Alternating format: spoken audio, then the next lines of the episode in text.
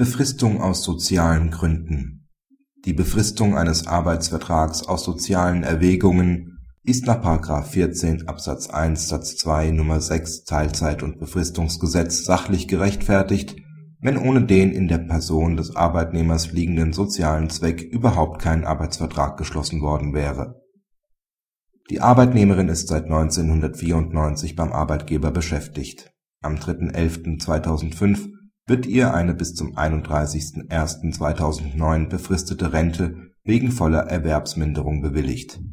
Das bestehende Vollzeitarbeitsverhältnis ruht in dieser Zeit. Unter dem 10. bzw. 13.02.2006 schließen die Arbeitsvertragsparteien einen bis zum 31.01.2009 befristeten Arbeitsvertrag mit einer durchschnittlichen Arbeitszeit von 22 Stunden pro Monat um der Arbeitnehmerin die Teilnahme am sozialen und beruflichen Leben zu ermöglichen. Dies geschah nur aufgrund der sozialen Lage der Arbeitnehmerin. Mit ihrer Klage begehrt die Arbeitnehmerin festzustellen, dass das Teilzeitarbeitsverhältnis über den 31.01.2009 hinaus besteht. Die Klage bleibt in allen Instanzen erfolglos.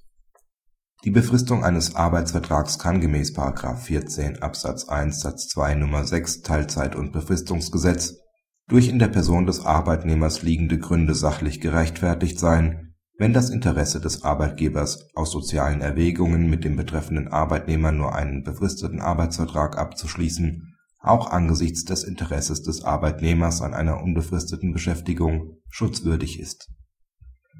Dies ist der Fall, sofern es ohne den in der Person des Arbeitnehmers begründeten sozialen Zweck überhaupt nicht zum Abschluss eines Arbeitsvertrags gekommen wäre die sozialen Erwägungen müssen das überwiegende Motiv des Arbeitgebers darstellen.